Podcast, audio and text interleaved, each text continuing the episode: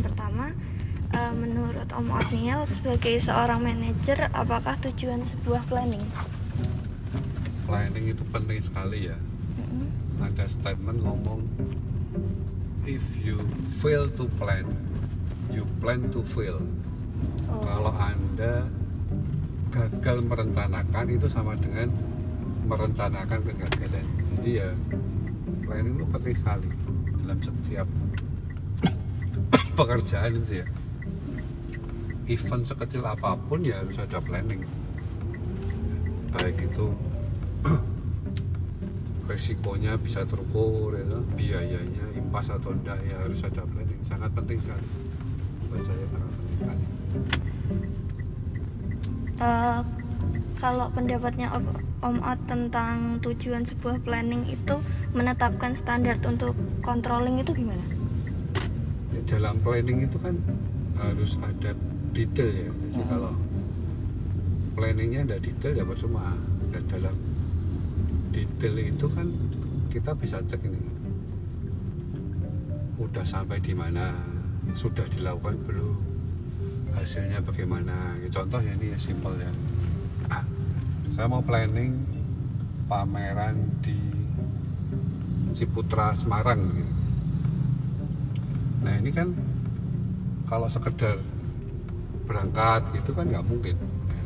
Itu banyak detailnya banyak. Nyiapin mobilnya. Nyiapin mobilnya pun juga harus dipikirkan. Yang stoknya mungkin paling banyak supaya bisa terjadi peluang penjualan gitu. Ngatur orang ngirim mobilnya ya kan? di displaynya jam berapa ya kan? kemudian setelah mobil terpasang itu salesnya harus ngapain gitu kan? Nyiapin brosur yang dibagikan jadwal sales kedisiplinan sales on time atau tidak. Ketika bikin brosur juga di belakangnya itu banyak. Kerjasama dengan leasing DP nya berapa uang muka murah atau angsuran ringan. Jadi itu di planning ditulis detail. Dari situ kita bisa kontrol kan? Iya. kita bisa checklist lah. Loh ini jam 10 malam kok mobilnya belum masuk? Nah, ini ada yang salah gitu kan? Jadi jam 9 pagi kok salesnya belum pada datang lah. Ini kita tegur jadi sampai sekarang kok brosurnya belum muncul. Nah ini kita gali ke belakang. Apakah karena leasingnya belum memberikan paket murah atau belum difotokopi? Nah ini kan dengan planning detail gitu. Kita bisa kontrol kurang lebihnya gitu Oke. Eh, terus Om, eh, kalau tipe planning yang Om Otniel terapkan di perusahaan tuh apa tipenya? detail Detail. gitu Tipe yang detail. Eh, terus apa yang menjadi fondasi planning Om Otniel yang Om Ot terapkan fondasinya? biasanya saya sih history dulu ya sejarah dulu Mm.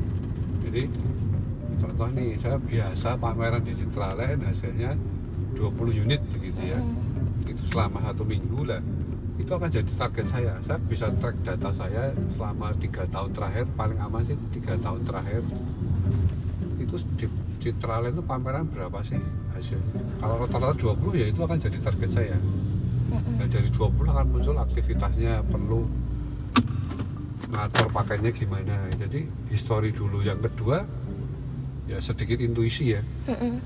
Contoh ini sekarang kan saya ada expander baru. Kan harusnya naik dong. Hal baru itu kan menarik orang lain. Intuisinya ya mungkin saya targetnya enggak di 20. Kalau moderat ya ditambah 10%. Kalau eh, optimis super gitu ya di 50% naiknya. Jadi gitu loh. Jadi Hmm. history dan intuisi. Saya sih pengalamannya itu. Oke, Om. Eh, terus bagaimana Om Otniel sebagai seorang manajer bisa meningkatkan antusias antusias para karyawan untuk mencapai planning? cuci otak kali ya. Jadi saya membiasakan diri itu kerja teamwork. Hmm. Jadi saya tuh tidak bisa manggul beras satu ton. Tapi kalau dipanggul kira-kira 10 orang lah itu bisa. Hmm. berarti Jadi- ngajak teamwork gitu. ya jadi tim itu dibangun lewat target yang jelas dulu Ya. kalau kita mau ke Semarang gitu ya Mm-mm. harus jelas lewat mana ya kan? Mm-mm. Sepakat nggak nih teman-teman satu tim ini. Malah ada yang kepengen oh saya mau lewat Ambarawa makan pecel dulu. Nanti kita tidak akan sampai ke Semarang. Ke Ambarawa dulu makan pecel malah diare malah jadi ke Semarang kan begitu. Jadi cuci otak yang saya maksudkan ini punya beban yang sama punya tujuan yang sama sehingga enak nyambung ngomongnya gitu. Kalau kita ke Semarang gitu ya. Sepakat Semarang. Ya udah pecelnya besok-besok aja gitu loh. Ya, jadi di otaknya itu ya Semarang. Gimana caranya pergi Semarang dengan cepat nyaman aman dan tepat waktu mungkin gitu loh. Nah ini harus satu satu suara gitu ya. Itu awalnya itu aja saya saya planning itu harus dicuci otak ke teman-teman tujuannya gimana gitu. Oke Om. Terus isu-isu atau permasalahan apa yang dihadapi selama membuat planning biasanya? satu percaya diri mungkin kadang itu apalagi kondisi covid seperti ini ya Mm-mm. kita takut bisa nggak ya Mm-mm. targetku tercapai gitu ya apalagi siapa sih yang mau beli mobil kalau per- per- pergi aja nggak boleh gitu kan Mm-mm, bener. tapi kita harus cari jalan pintas eh sorry jalan jalan lain lah. Inovasi gitu ya. Eh, pola pikirnya terutama. Kita bisa berpikir wong ppkm nggak boleh berpergian siapa yang beli mobil kan gitu kan. Mm-mm. tapi kita harus lihat kondisi gini angkutan umum tidak aman. Ya kan? resiko penularan lebih banyak. Justru sekarang mobil itu laku. Oh, karena apa? Orang mau safe nggak mau naik bis gitu kan. Betul. nah gitu loh jadi kita harus cari pola pikir yang berbeda sama yang lain. Itu pengalaman saya seperti itu. Jadi kalau kita planning ya tadi kan khawatir gitu ya takut ya. Ya kita harus mengalahkan ketakutan kita dulu lewat berpikir dengan cara berbeda. Itu kendala awal itu. Planning itu menyusunnya menyusunnya susah tuh kalau takut khawatir gitu yang kedua tidak didukung tim Mm. gitu aku mau ke Semarang wah enggak pak saya mau ke Pecel dulu nah, kalau ini kan susah Mm-mm. jadi tim itu harus harus ini ya harus satu kata dulu Harus satu tujuan gitu ya ya. Oke. Sekarang organizing ya Om. Eh, apakah dalam perusahaan Om Ot menerapkan spesialisasi kerja pada karyawan? tentu karena right man in the right place itu penting sekali ya dalam Mm-mm. pekerjaan ya saya kalau nyuruh contoh ini ekstrim ya seorang sales ya tidak bisa administrasi untuk jadi bagian administrasi yang boleh Mm-mm. pasti. sebaliknya administrasi yang pemalu gitu untuk jadi sales Nggak dapat. susah susah juga nggak bakal terwujud ya kan Iya. ya penting sekali right man in the right place. Oke. Terus bagaimana pendapat Om Ot tentang karyawan yang melanggar aturan formal namun untuk mencapai kepuasan pelanggan dan meningkatkan pendapatan gitu? kita itu ada peraturan dan kebijakan.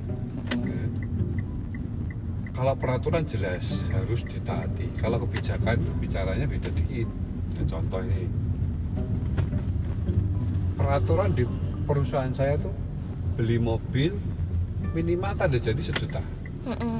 itu kan peraturan. Tapi kalau sudah kebijakan beda lagi. Kebijakan itu bicara orangnya ketemu di pasar nggak bawa uang sejuta. Mm-mm.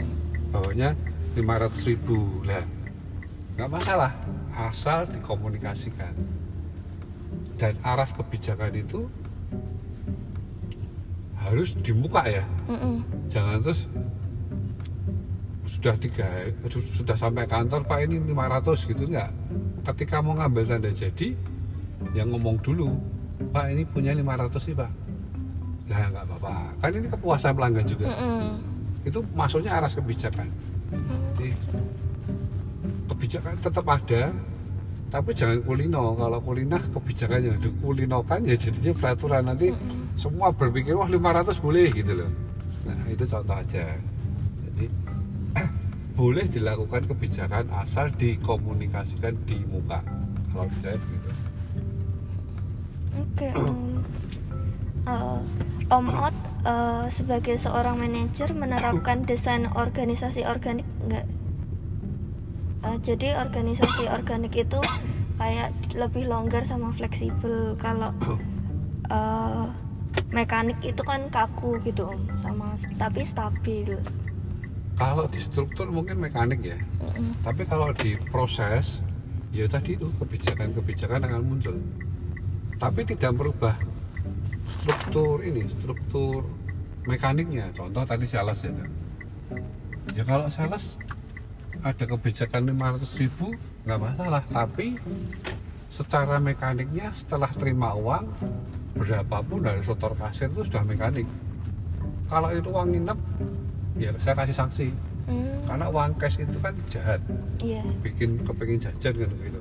Jadi terima 500 pun ya tetap saya suruh store kasir. Meskipun aturannya satu juta kan gitu kan Iya. tetap harus saya store kan Gitu. jadi mungkin organiknya di sisi kebijakannya ya bukan di strukturnya kalau struktur masih sama nggak mungkin sales itu merangkap jadi admin nggak mungkin Iya. mosok dapat uang dimakan sendiri nantinya jadi korupsi kan Iya. memang harus tetap mekanik kan seperti itu harus saklek gitu kan Oke. Terus pendapat Om Ot mengapa struktur dalam organisasi itu penting? Karena tadi the right man in the right place. Kalau tidak ada struktur susah. Nanti kita mau nyuruh siapa keliru-keliru. Dan kalau kita nyuruh bagi tugasnya keliru-keliru ya tujuan nggak bakal tercapai dong Kurang lebih kan betul. Oke, panggil dulu ya. Siap Om.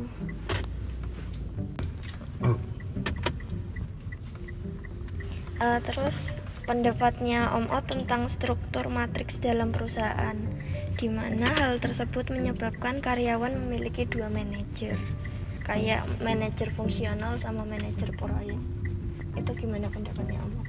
tidak masalah sih asal orangnya mampu ya jadi kadang itu bagian promosi saya gitu Hmm, itu kadang diminta bantu ke customer service nggak masalah. Itu secara struktur kan di bawah saya promosi. Eh sorry. Ah, promosi. Kan marketing kan di bawah saya. Tapi untuk hal-hal tertentu dia diminta bantuan untuk customer satisfaction follow up customer. Nggak masalah kalau orangnya mampu mampu. Itu memang terjadi di perusahaan kami. Hmm. karena ya efisiensi pegawai juga kan. Iya. Terus pendapatnya, eh, apakah perusahaan Om, Om Ot itu menerapkan karyawan virtual kayak eh, WF, WFH gitu Om, terutama di saat pandemi? dulu lakukan tapi setelah setahun ini udah waktu covid awal-awal itu kita ada yang WFH Eh, itu efektif sama efisien dong strateginya? tidak menurut saya. Hmm, tidak karena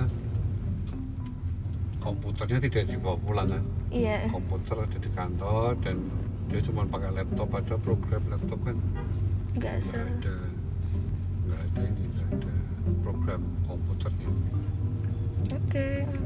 Terus menurut Om Ot, apa alasan sebuah perusahaan mempekerjakan karyawan kontrak? karena peraturan ini ya perundang-undangan mungkin takut pesangon begitu. Hmm, jadi kan pesangonnya cukup banyak. Saya belum tahu detailnya cuman kebijakan di kantor kami ada kemungkinan karena itu di mana kalau karyawan tetap tuh ketika selesai itu kan ada pesangonnya jadi mungkin cukup berat buat saya. Mungkin pertimbangan itu ya. Oke, masuk leading ya Om. Terus menurut Om Ot, apakah arti sebuah leadership? Leader is a servant ya. Mm-mm. jadi kalau kita memimpin mengelola orang itu ya melayani juga. Dan dalam melayani itu butuh namanya teladan. Saya tidak bisa nyuruh anak buah saya ayo disiplin datang pagi. Kalau saya datangnya jam 11 siang gitu nah, saya harus datangnya ya jam kerja setengah sembilan saya harus datang ya. Saya harus jadi ngomongnya enak. Jadi omongan saya dipegang integrity ya Iya. do what you speak jadi apa yang kita omongkan itu bisa kita lakukan gitu. Oke. Terus sebagai seorang manajer, style kepemimpinan apa yang Om Ot terapkan? Style. melayani aja Oh, style melayani. Terus sifat-sifat apa yang dihar- eh, apa yang harus dimiliki seorang leader? Seberapa pengaruh sifat-sifat tersebut saat diterapkan? teladan nanti ya Iya. pengaruhnya besar sekali loh orang akan lihat dia nggak omdo itu besar sekali ya. memberi teladan itu disiplin kalau kita on time kemudian targetnya timelinenya pas gitu ya. Saya pikir akan bagus juga. Kemudian jujur ya jujur itu penting. Kalau kita tidak jujur kita tidak akan kehilangan kepercayaan. Jadi kalau kita tidak jujur kita tidak dipercaya bubrah itu. Kalau kita tidak dipercaya semua orang nggak akan berbisnis dengan kita. Kalau kita tidak bisa dipercaya itu sangat standar sekali. Oke Om. Terus pendapat Om Ot, jika seorang leader kurang dalam berorientasi pada hubungan, jadi hubungan antara karyawannya kurang, namun dalam kondisi tersebut apa yang harus dilakukan seorang leader itu? bergaul sediakan waktu ngobrol makan bareng gitu karena kalau leader nggak bisa bergaul nggak bisa menyampaikan tujuan secara bersama untuk dicapai ya bisa stroke itu leader nanti. Bebannya cuma dia sendiri. Jadi kalau memang dia belum mampu ya udah nggak usah jadi leader gitu aja contoh salesman gitu ya ada yang jago jualan tapi dia kalau mengelola orang nggak bisa ya udah saya taruh tetap jadi sales saja. Hmm, gitu. Halo. kita bisa Halo. buat atur orang seperti itu Oke Om. Halo. Terus kasih. pandangan Om Ot tentang seorang leader yang cenderung menciptakan in group sama out groups. Halo. maksudnya untuk waktu Jadi kayak ada orang-orang favorit gitu. Eh, biasanya yang in groups itu akan memiliki peringkat kinerja yang lebih tinggi, lebih sedikit turnover sama kepuasan kerja yang lebih besar. Pendapatnya apa kalau ada tentang in groups dan out groups gitu? Kalau yang saya terapkan itu di marketing ya di sales ya. Saya itu kan ada hampir 6 hampir 50 lah 50 sales gitu ya. Hmm. 50 sales ini dari mereka tuh ada yang terbiasa jual 5 unit per bulan. Dari situ saya kumpulkan ini sekitar 15an orang ini saya kasih grup sendiri saya kasih nama Pareto Pareto itu sedikit tapi memberi dampak besar. Di Pareto itu tujuan saya supaya ada teladan. Jadi ini loh kalau kamu sebulan cuma jual satu salahmu dewi kenapa? Yang di sini bisa jual lima gitu loh. Dan di grup ini saya kasih karena kemampuannya itu cukup bagus ya saya enlarge. Kalau ada acara-acara kantor bakti sosial 15 orang ini saya, saya suruh kerja. Oke, dari situ mereka merasa dipercaya dihargai otomatis loyalitasnya bisa naik. Dan buat saya pun saya keep 15 ini 15 dikali 5 unit sudah 75 unit. Udah istilahnya targetnya tuh kalau target saya 170-an persen sudah dita- dikantongi kan gitu loh. Iya. yang lain mau jual satu mau jual tiga ya sembarang gitu. Kenapa? Saya sudah pegang 70% ini aman gitu. Mm. jadi saya saya pakai itu. Nah ini pas dari istilah input output seperti itu kah atau gimana? Iya, pas benar Om. oh ya, ya itu yang saya lakukan Terus eh, prioritas harian Om Ot sebagai seorang manajer dalam tim itu apa? controlling kalau harian. Saya kan punya di kita sih ada sistem yang bagus ya. Saya bisa ngecek SPK-nya sudah berapa. Kalau ada sales yang nggak cuman S nggak cuman SPK ya dari prospek ya dari prospek itu sales bikin laporan kemudian kira-kira dealnya sudah belum itu bisa kontrol semua ya. Saya kontrol itu aja.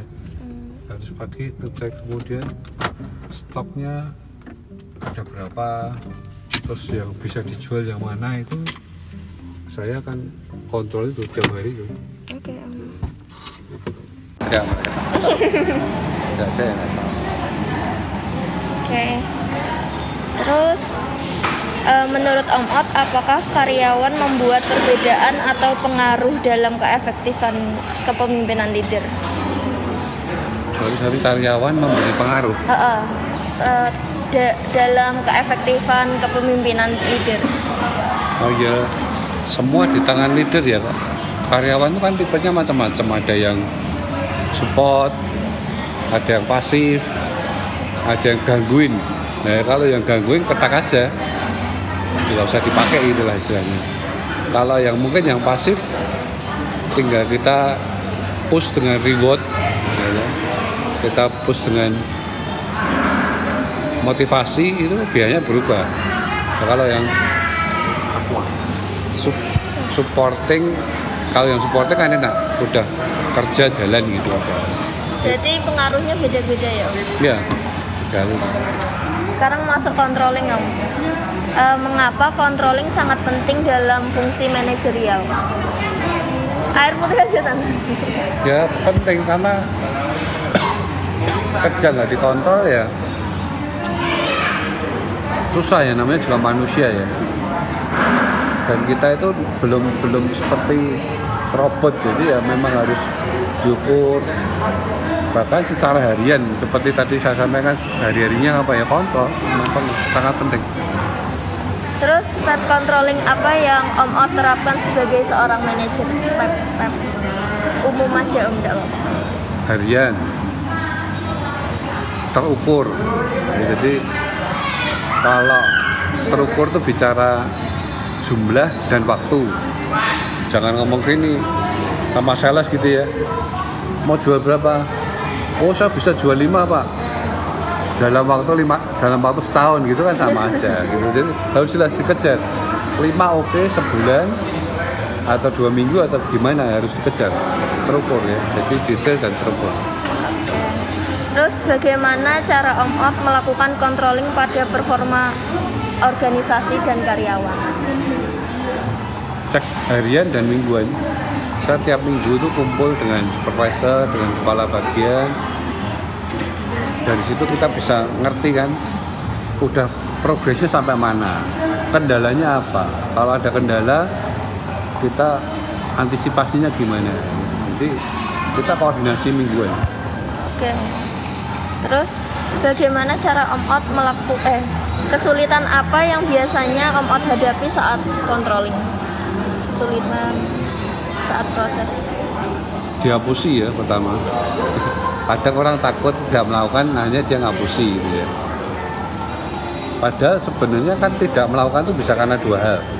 Pertama karena malas ya kalau karena malas memang harus ditegur gitu kan.